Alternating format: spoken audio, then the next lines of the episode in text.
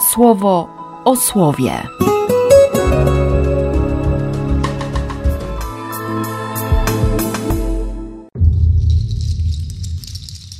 Dwudziesty czwarty listopada, czwartek.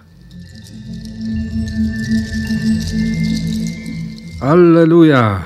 Zbawienie, chwała i moc należą do naszego Boga. Jego decyzje są zawsze sprawiedliwe i niezawodne. Zapisz to. Prawdziwie szczęśliwi i błogosławieni są ci, którzy zostali zaproszeni na ucztę weselną Chrystusa. I podkreśl wyraźnie, że słowa te pochodzą z ust samego Boga. Szczęśliwi i błogosławieni. Każda Eucharystia, każda komunia, każde słuchanie słowa, każde doświadczenie wspólnoty.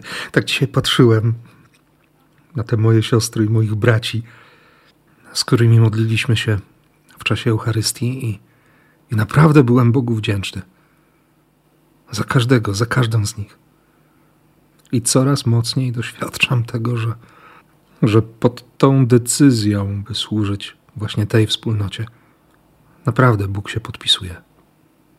Że to, jak wygląda moje życie, wszystko, co jest moją historią, to nieprawdopodobna droga zbawienia. Taka bardzo dla mnie. I jestem mu za to wdzięczny. Szczególnie za to, że, że każdego dnia zaprasza i mnie, i moich braci, moje siostry na ucztę. I przekonuje, że, że możemy doświadczyć szczęścia i błogosławieństwa. I ty, i ja że naprawdę możemy się wyprostować.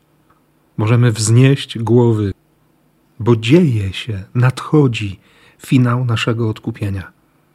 I nie chodzi wcale o kumulację jakichś trudności, prześladowań czy szalejących żywiołów natury, ale właśnie to przekonanie, że, że dziś jest czas, żeby, żeby przyjąć zbawienie, żeby oddać Bogu chwałę, żeby się tym zbawieniem ucieszyć żeby wrócić do początku 21 rozdziału Ewangelii Łukasza.